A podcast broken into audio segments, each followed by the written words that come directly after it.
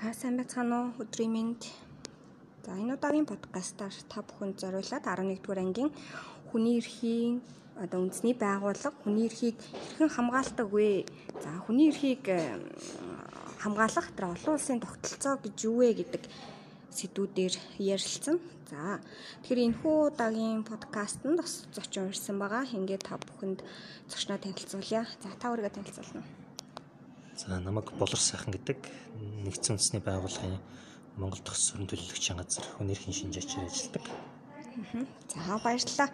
Тэгэхээр хүүхдүүд маань өмнөх төсөөллийн хувьд бол яг хүний эрх гэж яг юу хэлэх вэ? За хүний эрхийн одоо хамгаалах анхан шатны байгууллагуудын талаар өмнөх ангиудаа бол үтсэн баг. За тэгээ 11-р ангийн хүрээнд бол арай өргөн ойлголтыг бид нар авах хэрэгтэй. За тэгэхээр хүний эрхийн одоо үндэсний байгууллага хүний эрхийг яг хэрхэн хамгаалдаг вэ? Тэгэхээр хүний эрхийг одоо үндэсний байгууллага гэдэгт яг юуг ойлгох вэ? За хүний эрхийг хэрхэн хамгаалах, хүний эрхийн үндэсний байгууллага үндэсний хэмжээнд яаж ажилладаг вэ гэдгийг гиндэргэн ярихын тулд нэгдүгээрт дэлхийн 20 дугаар дайны дараа 1945 онд нэгдсэн үндэсний байгууллага байгууллагатай хөгжил, аюулгүй байдал, их тайван хүний эрх гэсэн үндсэн чиглэлээр үйл ажиллагаа тодорхойлж дайны дэлхийд энэ чиглэлээр ажиллах дүрмэндээ бол заасан байгаа. Тэгээ үүнийхэн мөрөөр 1947 онд яг дэлхийн улс бүр нүүбийн гишүүн болсон бол хүнийрхийн асуудал хариуцсан хороо байгуулж ажиллах нь чухал байна гэж анх ярьсан. За тэгээ тэрнээс хойш яг үндэсний хэмжээнд хүнийрхийн чиглэлээр ажилладаг байгууллага байгаад мэдээлэл цуглуулад хүнийрхийн асуудал дээр гардаж ажилладаг байгаа чухалаа гэдэг ярьж явсан хэдий боловч 1947-оос 1993 он хүртэл бол 20 гаруй ийм байгууллага байсан гэсэн. Тэгээ энэ маань өөрөө юутай холбоотой юм бэ гэхээр хүний эрхийг хангах хамгаалах үүрэг нь бол төрд байдаг. Харин төр энэ дээр өөрийн чиг үүргээ гүйцэтгэж чадахгүй бол яах вэ? Ямар байдлаар ажиллах вэ гэдэг асуулт гарч ирж байгаа. Тэгэхээр 93 оноос хойш хүний эрхийн үндэсний байгууллагуудыг яагаад олноор байгуулах болсон бэ гэхээр төрөөс байгуулдаг мөртлөө төрийг хараат бусаар хянж ажилдаг. Хүний эрхийг хамгаалах болон хөхүүлэн дэмжигчийг үүрэгтэй ийм хараат бус байгууллагыг хүний эрхийн үндэсний байгууллага гэж тооцож эхэлж байгаа. Тэгээд энэ байгууллагын гол чиг үүрэг нь юу юм бэ гэхээр олон улсын гэрээнд заасны дагуу улс орнууд хүний эрх хэдлүүлэх үүргээ биелүүлэхэд нь чухал үүрэг ухааны нэмэр оруулж ажилладаг.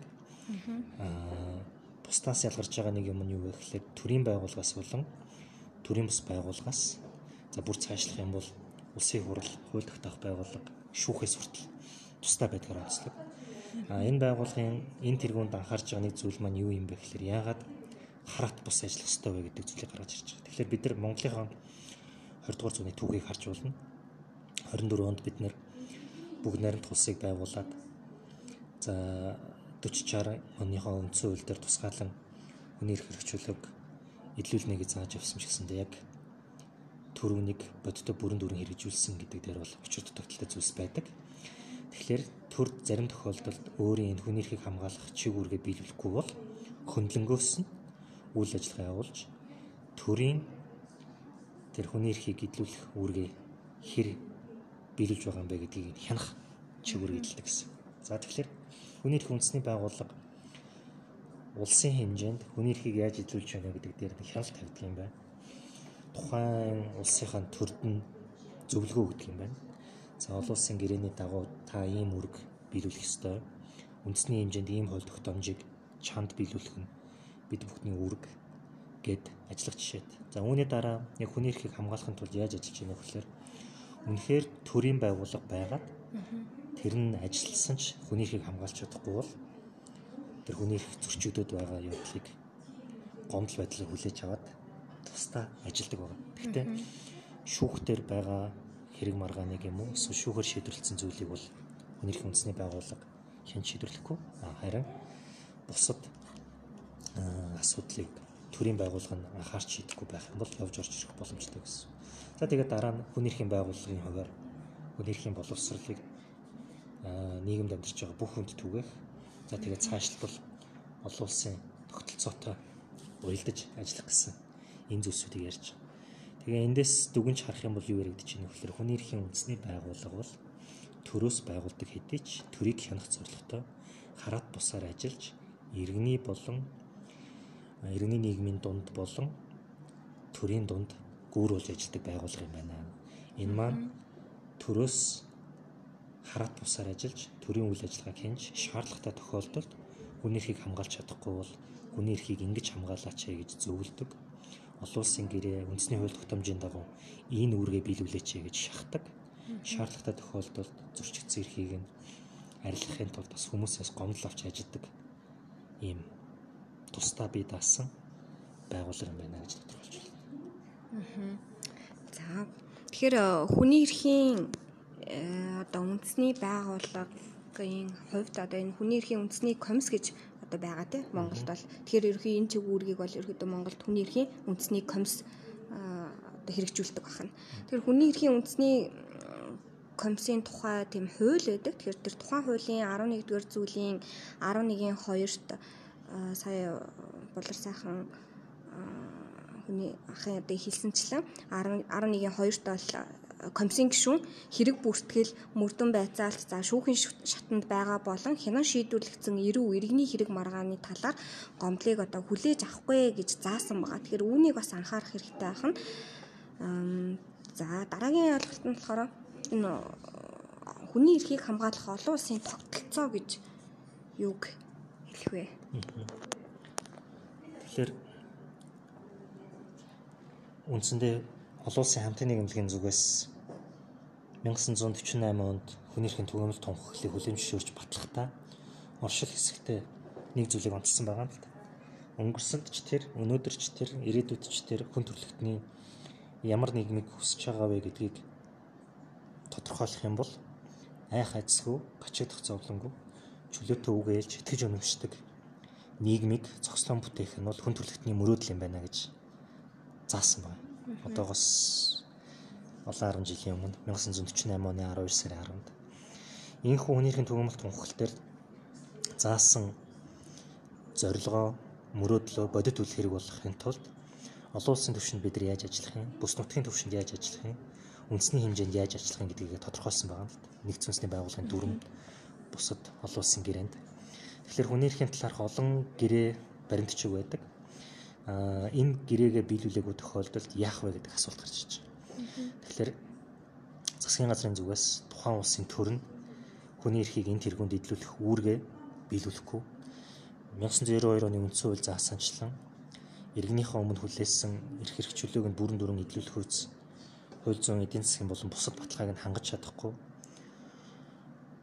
Зөрчигдсөн эрхийн сэргэн эдлүүлж чадахгүй хохирлыг барагдуулахгүй байвал яах вэ гэдэг асуулт гарч иж байна ямарваа нэгэн улсын төр нь хүнээ хамгаалж чадахгүй, хүнийхээ эрхийг эдлүүлж чадахгүй бол яах юм бэ? Тэгэхээр энэ дээр ажилдаг хоёр механизм байдаг нь юу гэхээр үндэсний хэмжээнд хүний эрхийг хамгаалж чадахгүй байх юм бол төрийнх нь институт дотор байгаа цагдаа, прокурор нь, шүүх нь хамгаалж чадахгүй. Тэд нар ажилласан ч зөрчигдсөн эрхийг сэргээж чадахгүй.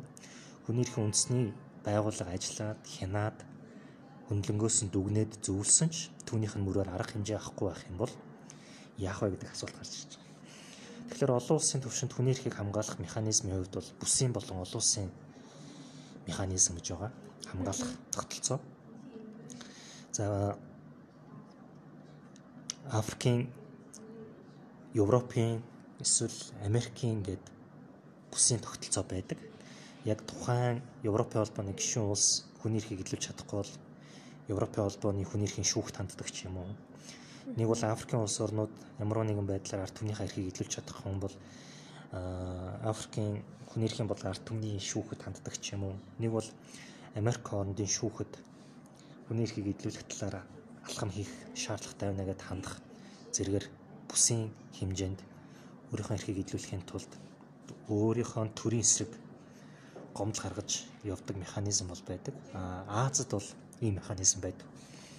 Тэгэхээр Аз номхон талаан бүсэд үндсэндээ Аз гэдэг маань ягаад бүсийн механизм байдаг юм бэ гэхээр бид нар эргээд дэлхийн түүхийг харах юм бол Афганистанаас Австрали төв хүртэл нийтлэг шинжтэй соёлын нэг ишт үндэстэй нийгэм улс орнууд бүсчилсэн байдлаар орших боломжтой гэдгийг харуулж байна.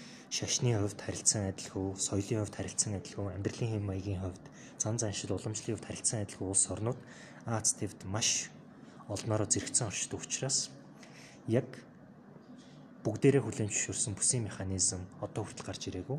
Эдийн засгийн юм уу бусад хамтын ажиллагааны ийм бүс нутгийн санаачлагууд байгаа болохоос биш. Яг Азийн хүний эрхийн шүүх гэсэн механизм бол одоогор бүтээгүй байна. Тэгэхээр манай Монгол улсад төр хүний эрхийг илүүлж чадахгүй байвал хүний эрхийн үндэсний комиссийн арга хэмжээ, заавар зөвлөмж, дүгнэлтийг хэрэгжүүлж чадахгүй байвал олон улсын механизмд гомдол гарах эрх нь шууд нээлттэй болж байна гэсэн. Аа бусад Европын гэдэг юм уу бусад тивийн улс орнуудын хувьд бол бүстэй хандаад бүсийн зүгээс арга хэмжээ аваад дийлэхгүй байх юм бол олон улстай ханддаг жишээтэй. За энэ дээр тэгээд одоо олон улсын механизм буюу олон улсын хүний эрхийг хамгаалах тогтолцоонд хандахын тулд яа гэхээр улс орнуудын хүлээн зөвшөөрсөн гэрээг л ашиглана гэсэн. Тэгэхээр миний ярианд товч дурдсан 1948 онд баталсан хүний эрхийн түгээмэл тунхаглал. Түүний үзэл санаанаар тулгуурлаж гаргаж ирсэн. Иргэний болон улс төрийн эрхийн тухай олон улсын пакт, эдийн засгийн нийгэм соёлын эрхийн тухай олон улсын пакт, мөн хүний эрхийн тулгуур олон улсын гэрээгээд баримтчгуудыг бид нар иш үндэс болгоно гэсэн. Тэгэхээр манай 92 оны үндсэн хуульд заасанчлан бид нар олон улсын гэрээг сойрхон баталсан бол үндэсний хууль тогтоомжнийг адил мөрднө гэж заасан байдаг. Тэгэхээр хууль шигэ мөрдөх ёстой гэрээгээ биелүүлэхгүй байна гэд бид нар Монгол улсын иргэний хувьар Монгол улсын төр миний эрхийг эдлүүлж чадахгүй байна. Энэ хууль шигэ заавал биелүүлэх ёстой олон улсын гэрээгээ биелүүлж чадахгүй байна. Би ингээд ингээд ингээд төрийн байгууллагад хандаад төрийн механизмаар явсан чинь энэ төрийн тогтолцоо миний эрхийг эдлүүлж миний зөрчигдсөн эрхийг сэргээж учирсан охирлыг барагдуулж чадсангүйгээд бүх нотлох баримтаа гомдлоо хавсаргаад явуулах жишээтэй. Гэхдээ энэ хүү явуулахдаа юу гэж харддаг вэ гэхээр нөгөө өмнө дурдсанчлан үндснийхээ хууль тогтоомжнийг адил мөрдөн гэсэн тэр гэрээгээ мөрдөж чадахгүй байж тээ гэдгийг нишүнц суулгах хэрэгтэй. За хамгийн сайн мэдэх бид бүхний зүгээс ярьж болох жишээ гэх юм бол цаазрах ял байна. Монгол улсын хувьд бол цаазрах ялыг халдсан гисэн хэдий боловч төрийн зүгээс зүгээр жишээлээд аваад үзвэл цаазрах ялыг эрүүгийн хуулиасаа хасаад цаазрах ялыг хэрэглэхгүй гэдээ улс орон хилчээд хахад цаазрах ялыг хэрэглэчвэл тухайн хохирогчдгийн гэр бүл нь Монгол улсын төрийг олон улсын механизмд энэ иргэнийхээ амьд явах хэрэгэнд халтаад байна гэд гомдол гаргаж болно гэсэн санаа явж байгаа. За бүр цаашаа аваад үзэх юм бол юу яригдэж байна вэ гэхээр миний амьдрал ядуу байна. Би ингээ хичнээн зүтгээд аж ахуй эрхлээд бизнес санаачлаа явсан ч дампуураад ажиллах хөдөлмөрлөх нөхцөлгүй болчлоо. Миний эдийн засгийн эрхийг баталгаатай эдлүүлж чадахгүй байна гэд шүүхтэй хандаад шүүхээр шийдвэрсний дараа тэгээд арга хэмжээ сайжрахгүй байх юм бол бас нийгэм эдийн засаг соёлын эрхийг яаж эдлүүлж байгааг хяндаг хороонд гомдол гарах боломжтой гэсэн. Тэгэхээр гомдол гарах гэдэг бол иргэн төрийн эсрэг гомдлыг олон улсын өмнө гаргаж ирээд олон улс нөгөө гэрээнийхаа дагуу Монголын төр үүргээ биелүүлсэн гэдгийг шалгаад чадаагүй байх юм бол Монголын төрийг үүргээ биелүүлээч шахдаг механизмыг олон улсын хүн эрхийн тогтолцоо гэж байгаа. Үүгээрээ дамжуулаад үндэсний хэмжээнд нийлүүлж чадахгүй байсан иргэний эрхийг олон улсын дэмжлэгтэйгээр шахалтаар нөлөөгөөр нийлүүлэхийн төлөө байгуулсан тогтолцоо гэж харж байна. За тэгэхээр бид бүхний хувьд бол энэ олон улсын хүний эрхийн одоо хороо за тэр тогтолцоо түүнд одоо хэрхэн гомдол гарах уу ямар одоо нөхцөл байдалд орсон тохиолдолд одоо энд хандах хэрэгтэй юм бэ гэдгийг ойлгосон байх. За тэгэхээр энд бас сая ярианд дурддагдсан иргэний болон улс төрийн эрхийн тухай факт за эдийн засаг нийгэм соёлын эрхийн тухай энэ олон улсын пакт зэрэг энэ ойлголтууд дээр одоо ингээд тунхаглал гэдэг нэг ойлголт байгаа тий. Тунхаглал. За тэгэнгүүт одоо энэ пакт гэдэг ойлголт байна. Конвенц гэдэг ойлголт байна. Протокол гэдэг ойлголт байна. Тэгэхээр одоо яг алийн заавал одоо хуультай адил хэмжээнд тий заавал дагам мөрдөж биелүүлэх ёстой юм. А алинд нь зүгээр нэгдэж орчоод тий тэрэнд ерөнхийдөө биелүүлэхгүй байсан ч одоо юу шиг эргээд одоо хариуцлага тэгж тооцох албагүй байд юм болоо энэ ялгааг нь тайлбарлаж өгөх л та. За олон улсын гэрээнүүд ч гэсэн өөрөө маш олон нэртэй байдаг. Үүнийг анх ноорлож бичсэн хүмүүсийн санаачлагаар бас энэ хүн нэртэй болсон байх нь би. Гэхдээ миний ярианд дурдсанчлан тэдгээр олон улсын баримтчгууд ямар нэртэй байхаас үл хамааран бүгд олон улсын гэрээ гэж нэрлэгддэг. За тэгвэл олон улсын гэрээ гэсэн энэ хүний эрхийн баримтчгуудыг яагаад харилцаа адилгүй нэрлэдэг юм бэ гэхээр заавал биелүүлэх шинжтэй байна уу? Заавал биелүүлэх шинжгүй байна гэдгээр нь үндсэндээ хоёр бачиж байгаа. Таны асуусанчлан жишээлбэл тунхаглал, зарчим, журам, зөвлөмж зэрэг баримтчгүүд бол бүгд заавал биелүүлэх шинжгүй. Аа гэхдээ хүний эрхийн олон улсын гэрээний агуулгыг дотроо шингээсэн түүнийг дэлгэрүүлж тайлбарлсан баг жишээд. Аа пакт, протокол, нэмэлт протокол, олон улсын гэрээ, конвенц гээд одоо юу гэдгийг нэг бол харт гээд энэ баримтчгүүд маань болохоор илүү заавал биелүүлэх шинжтэй бүгд биелүүлнэ гэж амлалт өгсөн байдгаараа ялгаатай гэсэн. Аа энэ дундаас хамгийн онцлог нэг баримтчиг нь юу юм бэ гэхээр хүний эрхийн түгээмэл тунхаглал гэдэг баримтчиг бол анх заавал биелүүлэх шинжгүй 1948 онд батлагтаа улс орон болгон дэмжүүл дэмжээ мөрдөж явна. Хэрвээ хэрэгжүүлэхгүй байх юм бол ямар нэгэн хариуцлага тооцохгүй байх нөхцөлтэй байсан. Аа одоо ингээд 70 гаруй жилийн дараа эргээ харах юм бол энэ маань өөрөө олон улсын хамтын нийгэмлэгийн дунд туршлага болсон байна. Тэгэхээр энэ маань өөрөө бүр заншлын хим хэмжээ болтлоо. Өргөн дэлгэр хэрэглэгдээд хэдийгээр тунхаглал нэртэй боловч заавал биелүүлэх олон улсын гэрээний дайны баримтчиг болцсон баг жишээд. Тэгэхээр олон улсын гэрээнүүдийн ялгааг бол заавал биелүүлэх шинжтэй байна уу? Заавал биелүүлэх шинжгүй байна уу? Төр дүүрэг болгож гин үү? Төр дүүрэг болохгүй байна гэдгээр л харчаад тэгээд түүнийхэн цаана ямар нэртэй байгааг нь харж болно гэсэн. За үүнтэй адилхан хүний эрхийн үндэсний байгууллага гэж ерөнхийлж нэрлэж байгаа ч гэсэн те тухайн үндэсний байгууллага нь аль твд байгаа ямар эрх зүйн соёлтой ямар эрх зүйн тогтолцоотойгоос хамаарат хүний эрхийн үндэсний комисс хүний эрхийн хороо хүний эрхийн омбудсмен эсвэл хүний эрхийн хамгаалагч гэсэн төрөл бүрийн нэртэй байдаг. А гэхдээ малгай нэр том юм бол хүн эрхийн үндэсний байгууллага гэж тодорхойлж байгаа. За тэгэхээр заавал одоо биелэгдэх шинжтэй болон шинжгүй гэсэн юм байдлаар л явж ойлгож болох нь. За тэгэхээр сүүлийн асуулт бол үндсэндээ Монгол улсад одоо нэгдсэн үндэсний байгууллага сүүл ажиллагаагаа явуулж байна те. Тэгэхээр таны ажлын чиг үүрэг за Монголд одоо хүний эрхийн хэрэгжилтийн талаар хамгийн сүүлийн үеийн мэдээ. За яг хүний эрх одоо дэлхийн 2 дугаар дайны дараа нэгдсэн үндэсний байгууллагыг байгуулсан нэг гол үндслэл бол хүний эрх гэж би ярианда дурдсан. Тэгэхээр хүний эрхийн чиглэлээр ажиллаж байгаа гэдгийг нь тодорхойлохын тулд нэгдсэн үндэсний байгууллагын агентлаг бүр ер нь ямар мандаттай чиг үүрэгтэй ажилтг юм бэ гэх юм бол хүний тодорхой эрхийг илрүүлэхийн төлөө ажиллаж байгаа. Жишээлбэл хүн амын тодорхой бүлэг болсон хүүхэд хүн ам ч гэдэг юм уу. Нэг бол эрүүл мэнд хоол хүнс худалдаа гэдээ яг тодорхой байгаа чиглэлээр нарийнсан явсан баг жишээд. Аа яг үүнтэй нэг адилаар 2015-аас 2030 он хүртэл аливаа улс орон хөгжөхдөө юуг удирдлага болох вэ гэдгийг 2015 онд Нүбийн ерөнхий ассамблей дээр доктортой хөгжлийн зорилго гэдэг яг хүний эдлэл зохих эрхүүдтэй уялдуулаад энэ зорилгоодыг 15 жилийн хугацаанд тодорхойлсон. Энэ 15 жилийн зорилгыг 5 жилийн хугацаанд бид хэрэгжүүлсэн бэ? яаж хэрэгжүүлсэн бэ гэдгийг Монгол Улсын засгийн газар өнгөрсөн 7 сар тайлгнасан байгаа. Үүнийг нь сайн дурын ихтгэл гэж нэрлэж байгаа. Тэгэхээр сайн дурын ихтгэлээс харах юм бол агаарын бохирдлоос хамаарат бид нар ямар олон бэрхшээлтэй тулгарч байгаа вэ гэдгийг харж болж байгаа. Тэгэхээр бид нар тодорхой хэмжээнд хүний эрхийг эзлүүлэхэд дахин дэвшил гаргаж байгаа ч гэсэн дараагийн 10 жилд хийх илүү олон зүйл байна шүү гэдгийг энэ тайлангаас үзэж болно. Тэгээд нэмэлт гэрийн даалгавраар хэрвээ та бүхэн хүсэх юм бол энэнийг Монгол орчуулгыг нь бас уншаад танилцах бүрэн боломжтой.